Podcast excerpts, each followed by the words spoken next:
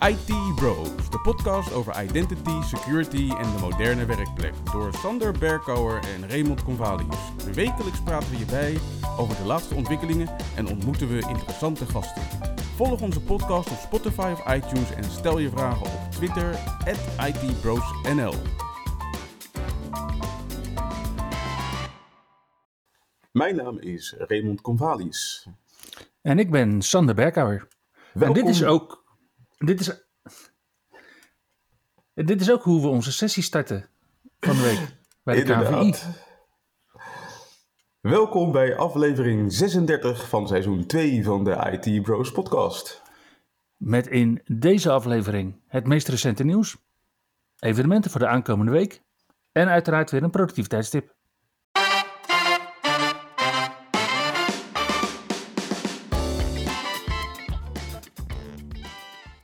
Hey Ray, is er deze week wel Windows 11 nieuws?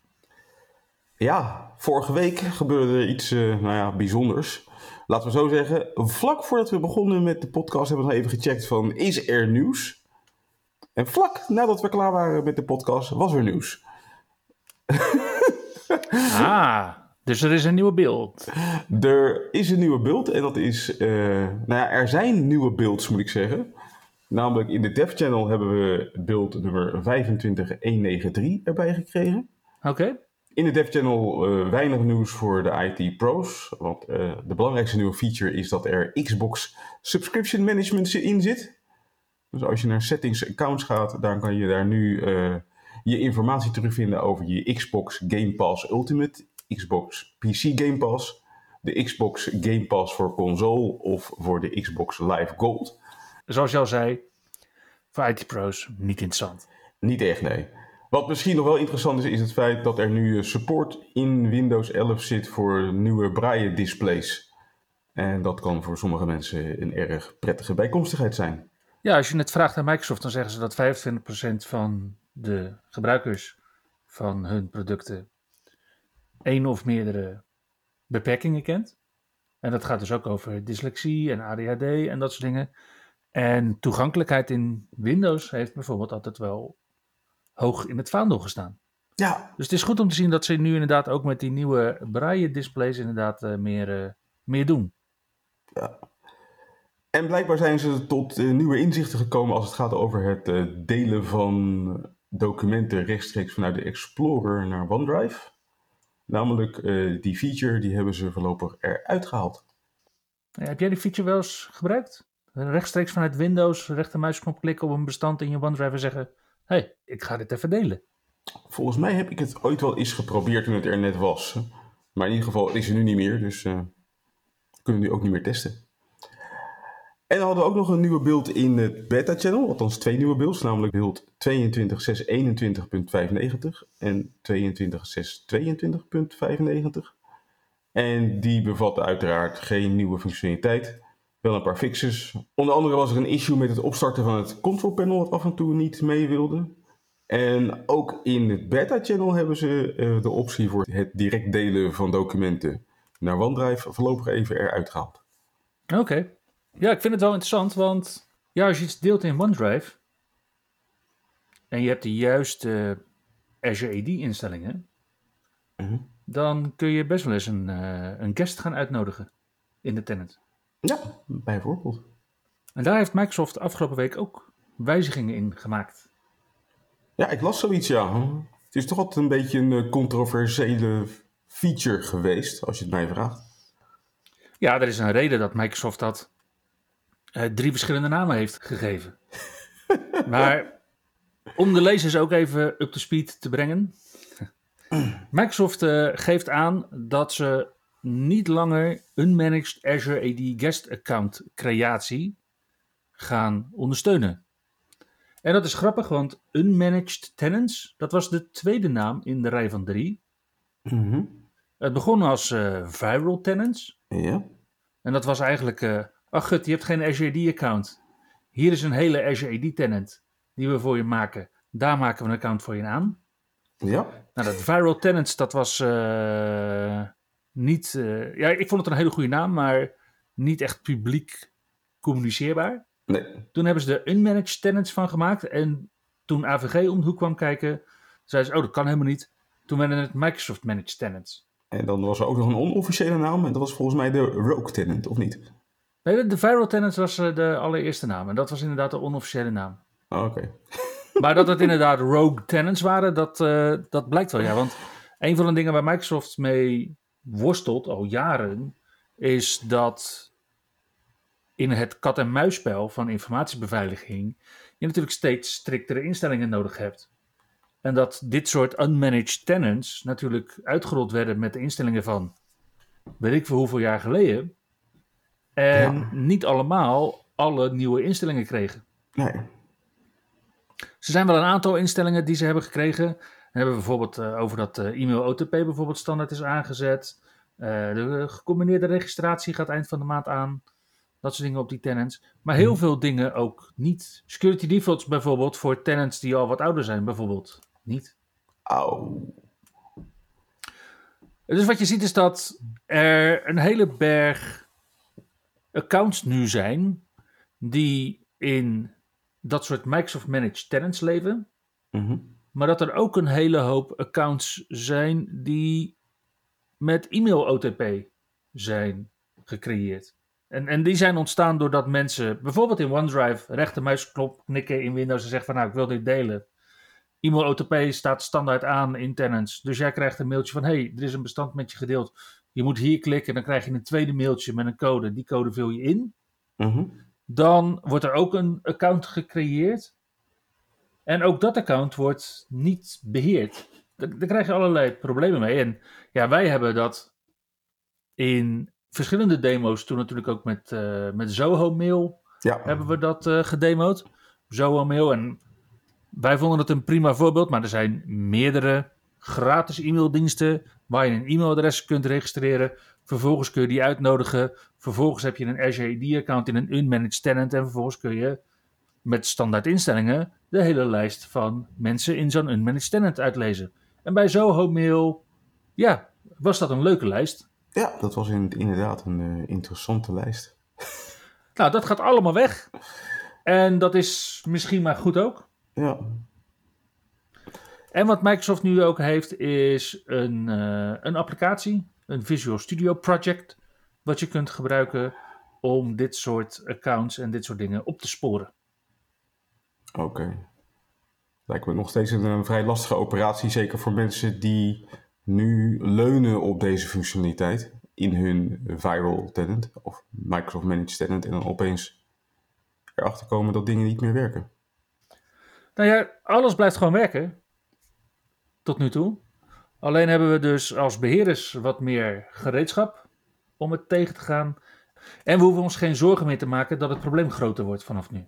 Ja, maar nu kan zeg maar eh, het probleem zoals jij dat nu omschrijft een functionaliteit zijn waar misschien wel mensen op leunen. Dat ze mensen uit een organisatie kunnen uitnodigen om hun documenten eh, te lezen.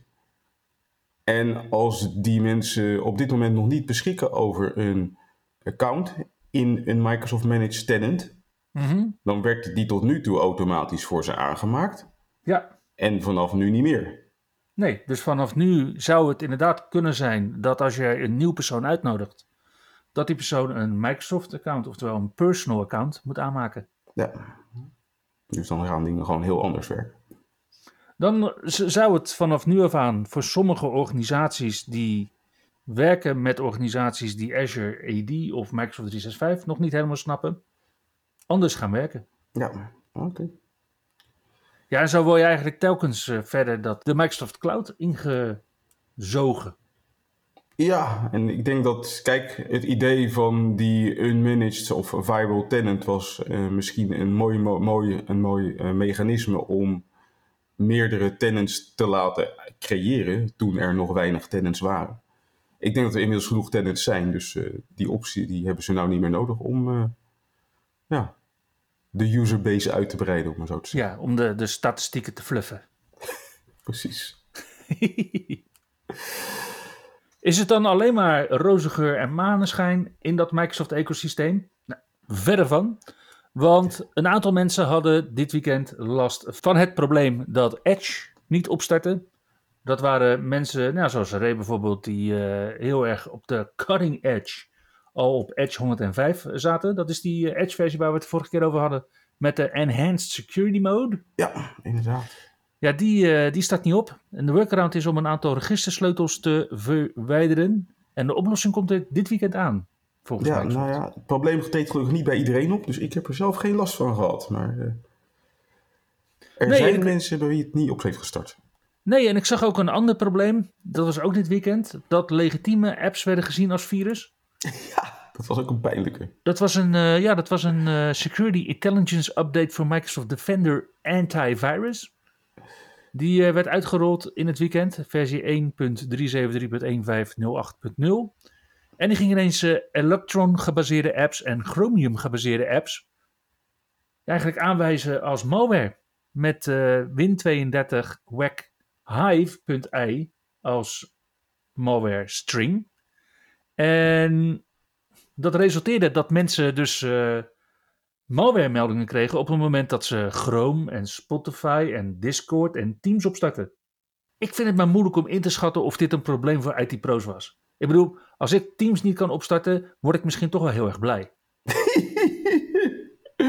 Tja. En als ik Spotify en Discord van mijn, eh, van mijn netwerk af kan, eh, kan scrubben op deze manier, dan ja, levert me dat misschien ook wel weer bandbreedte op, waardoor mijn domeincontrollers eh lekkerder eh, kunnen repliceren. Ja, aan de andere kant, als je eh, mensen hebt die thuiswerken met een eh, modern managed client en die opeens Spotify niet meer kunnen opstarten, dan heb je toch wel eh, gedoe. Ja, ja, dan kunnen ze ineens eh, hun eh productiviteitsmuziekstream op de achtergrond niet meer gebruiken. Namelijk eh, de, de Starbucks eh koffietentgeluidjes, eh, dat soort dingen. Jeetje, dan moet je toch ineens naar een echte koffietent. Tja, inderdaad. En als we dan toch over thuiswerken en thuisgebruik hebben. Apple heeft wat aankondigingen gedaan. Ja, inderdaad. Op eh, 7 september was het zover. Ik denk dat een hoop mensen rijkhalzend hebben uitgekeken naar die datum. Want het was eh, de dag waarop eh, Apple eh, hun jaarlijkse evenement organiseerde. Waarop eh, ja, onder andere de nieuwe iPhones werden aangekondigd. En dat was eh, ja, wel weer een, eh, een feestje dit jaar, denk ik. Afgelopen dinsdag heeft Apple dan de iPhone 14 gelanceerd. En in die iPhone 14 zaten wel weer wat features waar denk ik sommige mensen blij van worden. Zo bevat de iPhone 14 eh, de mogelijkheid voor satellietcommunicatie in de Verenigde Staten en Canada. Als je zonder eh, ontvangst zit en je wilt toch een noodbericht uitsturen, dan kan je nu je telefoon richten op de satelliet en een noodbericht sturen. Ja, wordt dan ook binnen een halve minuut en anderhalve minuut geloof ik verstuurd. Ja, inderdaad. Ja. En dat doet je telefoon de eerste twee jaar na aanschaffen en daarna moet je daar een abonnement voor hebben. Ook nieuw is dat in de Verenigde Staten iPhone 14's voor het eerst zonder simkaartslot worden uitgeleverd. Dus je moet het voortaan doen met een zogenaamde eSIM. Ja, dus de enige aansluiting die je dan nog hebt is je Lightning Connector. Ja, inderdaad. En dat was wel een eh, teleurstelling voor sommigen, want eh, veel mensen zitten toch wel te wachten op de introductie van de USB-C connector op de iPhone. En die zitten nog niet op de iPhone 14. Nee, ja, en andere mensen zeggen weer van ja, weet je, ik eh, heb heel veel accessoires met de Lightning Connector. Dus die zijn dan weer blij dat de Lightning Connector blijft. Inderdaad. In ieder geval, de iPhone 14 is gekomen als iPhone 14 en iPhone 14 Pro. En dan zeg maar de gewone iPhone 14, die bevat dan de, ja, de standaard camera, zeg maar. De 12 megapixel camera, gebaseerd op een se- sensor van 44 vierkante millimeter. Wat nieuw is, is een eh, frontcamera met autofocus. En de gewone iPhone 14 beschikt over dezelfde processor als de iPhone 13 van vorig jaar. Nou, die iPhone 14 is dan wel in twee maten, de iPhone 14 en de iPhone 14 Plus. Dus als je het grote model wil hebben met de grotere accu en het grotere scherm, dan kies je voor de iPhone 14 Plus. Daarnaast heb je de iPhone 14 Pro. En die iPhone 14 Pro die komt er als iPhone 14 Pro en iPhone 14 Pro Max. Het grotere model met de grotere Mhm. accu en het grotere scherm. Ja, genoemd naar eh, de wereldkampioen. Ja. En wat die nieuw hebben is dat ze een eh, nieuw scherm hebben waarin eh, de notch Weet je, wel, Dat Mhm. stukje bovenin het scherm is vervangen door een eh, langwerpige inkeping, wat Apple is gaan noemen de Dynamic Island. En dat Dynamic Island wordt dus groter en smaller afhankelijk van wat je met je telefoon aan het doen bent. Nou, die iPhone 14 Pro die beschikt dan over een snellere processor, de A16 Bionic SoC, om maar eens even zo te zeggen. De nieuwe. Mhm. En er zit een betere camera in die eh, een 48 megapixel sensor bevat van maar liefst 71 vierkante millimeter. Alleen, daar moet ik dan wel bij zeggen dat je camera daarbij niet 48 megapixel foto's gaat schieten, maar nog steeds gewoon 12 megapixel foto's. Omdat En daarmee mij- 4 pixels combineert naar 1 pixel. Precies. Ja, voor meer scherpte en minder grain. Yes. Dan was er ook nieuws op het Apple Watch front. De nieuwe Watch Series 8 is namelijk aangekondigd, de Watch SE en een nieuwe Watch Ultra. Wat we zien op eh, de Watch Series 8 en de Watch Ultra is dat er nu een temperatuursensor eh, op is aangebracht. Dat deze horloges car crash detection ondersteunen. En dat de Watch Series 8 een accu heeft tot 18 uur. En dat kan dan verdubbelen in low power mode. En dat de Watch Ultra een accu heeft met die, die een accu heeft die 36 uur meegaat en in low power mode zelfs 60 uur. Nou, is natuurlijk niks voor mensen die een Garmin gebruiken, maar voor mensen die eh, gehecht zijn. Maar voor mensen die gehecht zijn aan hun Apple Watch is dit zeer goed nieuws. Die Watch Ultra heeft daarnaast ook een titaniumbehuizing en saffierglas. Dus dit horloge kan wel tegen een stootje. En je kunt hem ook meenemen als je gaat duiken, want hij gaat tot 40 meter diepte en heeft zelfs een dieptemeter. De Watch Ultra komt altijd met 4G en 5G ondersteuning. En dat zie je ook wel terug in de prijskaartjes. Want als je zo'n kekke Apple Watch Ultra wil hebben, dan ben je 999 euro verder. Waar de Watch Series 8 begint bij 499 euro. Wil je nou wel alle leuke notificaties, maar gewoon in het ontwerp van de Watch Series 7 met car crash detection en ook die valdetectie, maar zonder temperatuursensor, dan kun je ook kiezen voor de Watch SE en deze is er al vanaf 299 euro. Ja. En daarmee was het nieuws nog niet eens voorbij voor Apple, want er was ook nog een nieuwe AirPod Pro. En de AirPod Pro die beschikt over een verbeterde ruisonderdrukking. Eartips voor kleine oren. Het schijnt dat de mensen met kleine oren daar nogal eens issues mee hadden met de AirPods Pro. Oké, En die gaat eh, nu tot 6 uur mee op een acculading, wat eh, zomaar toch even een derde beter is dan het vorige model. het is eh, altijd fijn wanneer accu's langer meegaan. Ja. En het is ook fijn als routers langer meegaan. En helaas eindigt het deze week voor een aantal D-Link routers, waarvoor wij eigenlijk alleen maar als advies kunnen geven, gooi ze weg. Ja. Ja, dit is, is een eh, gevalletje jammer, denk ik, bij D-Link. Want het blijkt dus dat eh, de routers van de modellen DIR 816L en de DIR 820L, modellen die al sinds eh, maart 2016 en november 2017 niet meer worden ondersteund, dat daar een eh, ja, toch wel stevig security lek in is gevonden. Ja, er, zijn zelfs, eh, er zijn zelfs twee kwetsbaarheden gevonden. Dat gaat om CVE 2022-26258 en E CVE 2022-28958. Nou, dat 2022, dat geeft al aan dat ze dit jaar zijn, eh, zijn geopenbaard. Mhm. En dat betekent dat deze routers dus eigenlijk pas eigenlijk sinds recent heel onbetrouwbaar zijn geworden. Als ik zeg onbetrouwbaar, dan moet ik dat natuurlijk onderbouwen. Dus dat doen we dan maar met de CVSS V3-scores van beide lekken, die 9,8 op een schaal van 10 tellen. Ja, dus als jij deze routers eh, nog in gebruik hebt, is de kans eh, heel erg groot dat je binnenkort allerlei vreemde problemen gaat ondervinden. Ja, want aanvallers maken inmiddels al gebruik van deze lekken om de Moo-bot malware te plaatsen.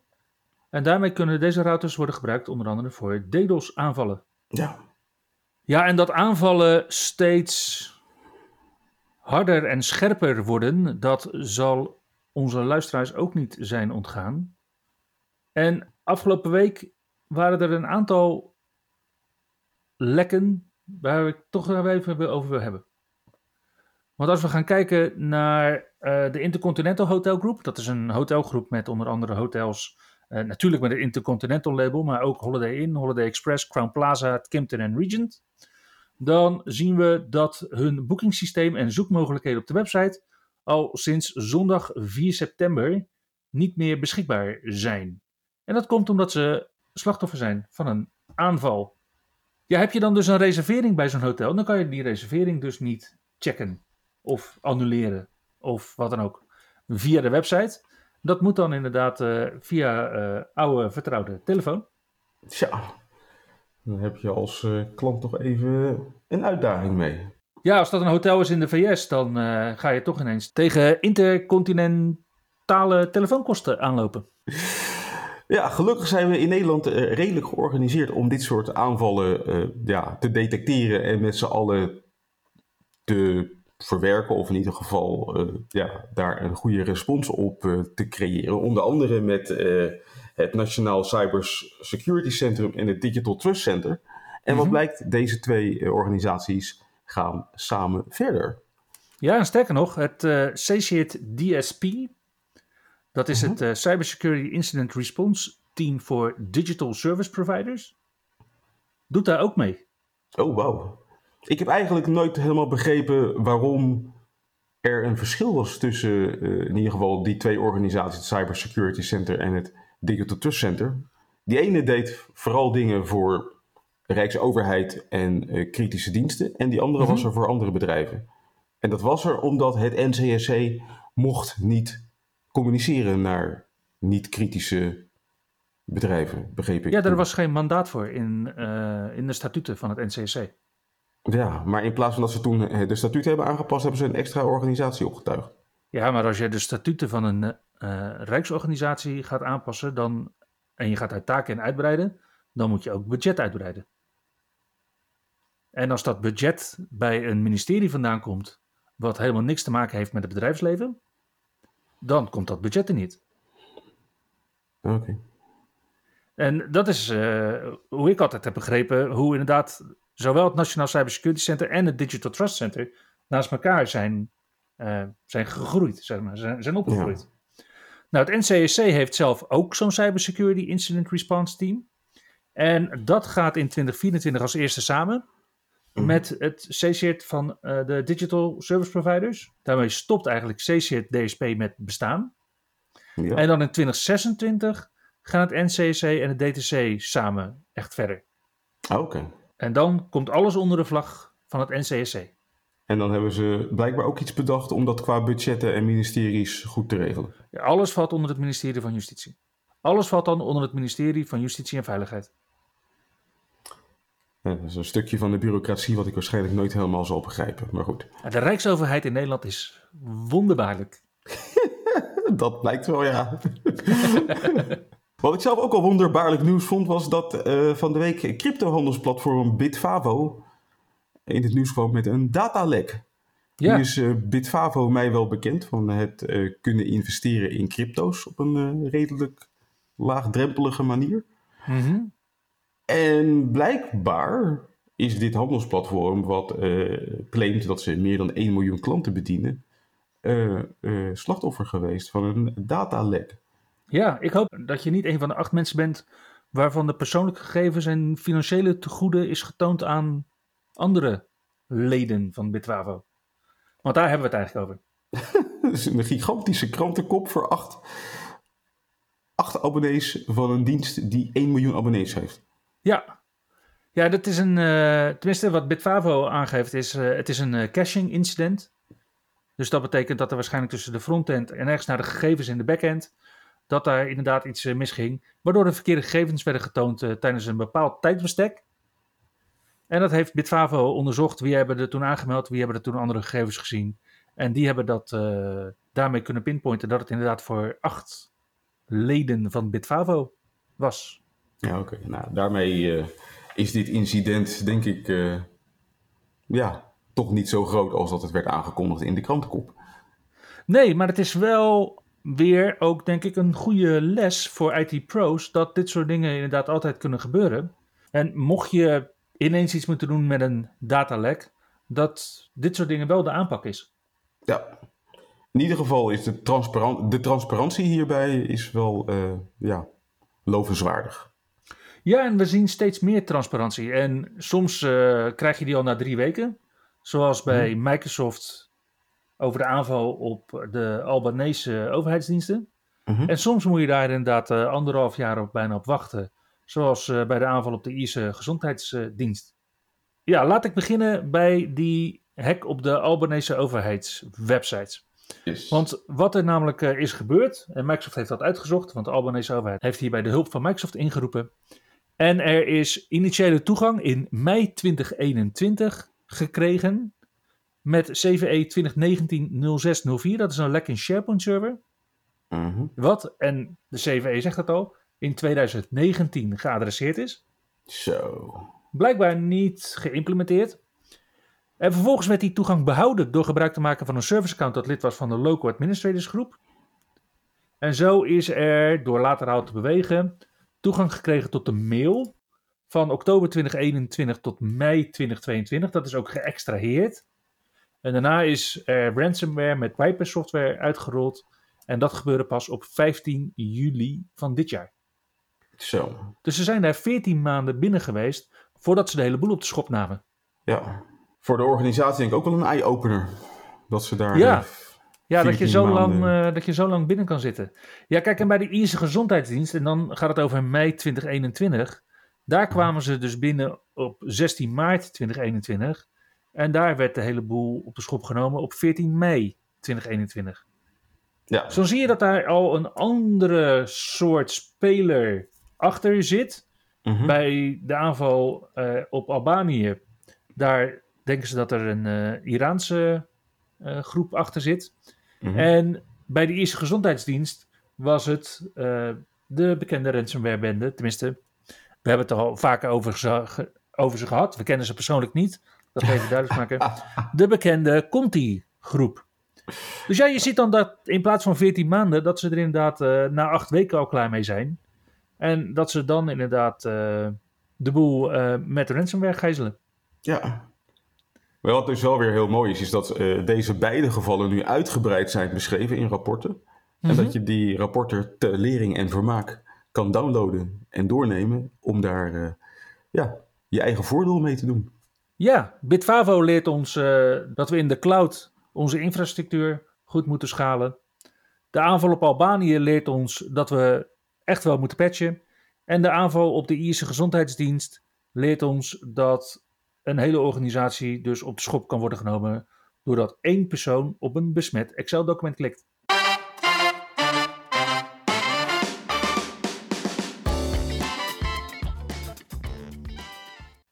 Niet besmet, maar wel heel interessant, is ons Excel-document met de aankomende evenementen. Ja, en aankomende week zijn er best wel weer een aantal leuke evenementen die eraan zitten te komen. En dat begint op maandag 12 september met de Workplace Ninja Summit. En deze duurt tot en met woensdag 14 september, waar ja, diverse collega's van ons bijzonder interessante sessies gaan verzorgen. Waarbij onder andere Michael Niehaus, Sabi Hou, Kenneth van Surksum, Esther Bartel, Christian Brinkhoff, Peter van der Woude en John Craddock aan het woord gaan komen. Het uitgebreide programma is uiteraard te vinden op de website van de Workplace Ninjas. Yes, en dit evenement vindt plaats fysiek in Zwitserland, in uh, Lucerne. Maar er zijn ook online evenementen komende week. En op dinsdag zijn er twee. Ik heb zelf een, uh, webinar wat ik doe samen met uh, Jay Kundatra van eNow Software en Corinne Besset van Veeam, waarin we mhm. even wat uh, Microsoft 365 mythes gaan ontkrachten. Mhm. Tussen 6 en 7. En volgens kun je van 7 tot 9 uur s'avonds aansluiten bij de september meeting van de Dutch Virtual Desktop User Group. En zij gaan helemaal diep op de settings catalog. Nice. Ja, dan is het op eh, donderdag 15 september vanaf 4 uur in Amsterdam het event Mijn Amsterdam gaat naar de cloud. Hoe werkt dat? En hier gaat de gemeente Amsterdam vertellen hoe zij hun cloud journey hebben opgetuigd. Ja, voor dat portaal Mijn Amsterdam inderdaad, wat dus naar Azure is gegaan. Mhm. En waar ze ook gebruik maken van IRMA. I Review My Attributes. Nice. En dat eh, zien we vaker worden gebruikt bij overheidsorganisaties. En is eigenlijk Entra-verified identities avant la lettre. Ja, inderdaad. Het evenement in Amsterdam is een fysiek evenement aan de Weesperstraat in Amsterdam. In tegenstelling tot het evenement wat de Belgische Datamines Community organiseert. Van half zeven tot acht.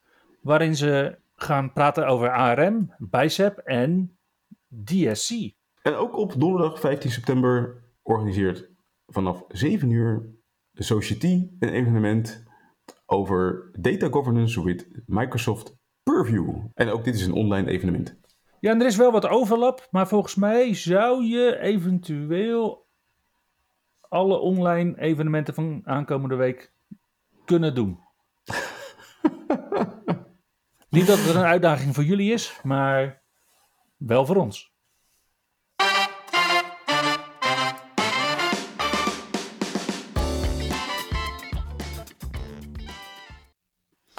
Uitdaging in Windows, daar weet jij wel raad mee, Ray?